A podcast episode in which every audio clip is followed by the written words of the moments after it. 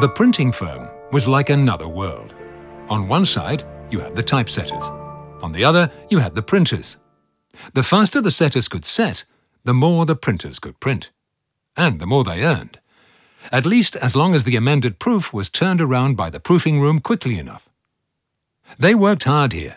On some days, they printed up to 1,250 sheets per person. Double sided. That amounted to 2,500 pages.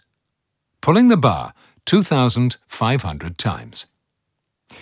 Now and then there was some tension between staff members.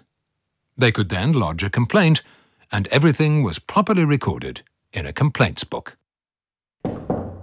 Come in. Come in. Good day, Mr. Secretary. Good day, Nicholas. Gosh, you look well today. New clothes? Yes, come and sit down. Oh, no, I'd rather remain standing. In piles, from the strain. Oh, I could show you if you'd like. No, Wanna see? thank you. Right, what is it? I have a complaint about Cornelis. Oh dear. I'll note it down. Cornelis says, I don't have a straight face. Doesn't have a straight face. Yes, but he does have a point. Have you ever taken a good look at yourself in the mirror? Yes, this morning. So that complaint is best dropped. My thoughts exactly. I will drop that one. By the way, Mr. Secretary, your eyes are Oh, such a yes, beautiful yes, colour. yes. Anything else, Nicholas? Yes, that Cornelis called me a scoundrel. Scoundrel? What does that mean? I'm not too conversant with terms of abuse. Despicable fellow. What? Did you call me? No, No, no, I meant dis- scoundrel means despicable fellow. I All would never call right, you. All right. Carry on. Well, Mr. Secretary, he was drunk. He was drinking gin as early as eight o'clock. Drunk. Gin. He never lifted a finger. Oh, good heavens. I must drink, he said.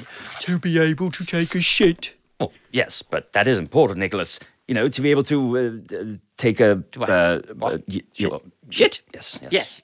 But it's always the same old story with that miscreant.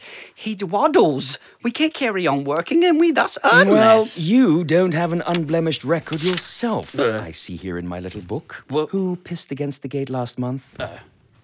Me. But it's really urgent. Mm. and what does it say in the regulations? Do not piss against the gate. Ah, so you know. Sorry, Mr. Secretary. But you know what else he said? What? He called me an arse licker. Arslicker. Yes. Then Cornelis will have to pay a fine. Calling you an arslicker. That's not allowed. Thank you, Mr. Secretary. I- I- incidentally, your, your hair looks very good Oh, that's today. enough. Voila, three farthings in our pot for our social security fund. You may go. Mr. Secretary, you truly have superb skin. Can I No, touch it? Just a no, little no. dimple Goodbye, on the right Nicholas. side. Uh, sorry, what was that?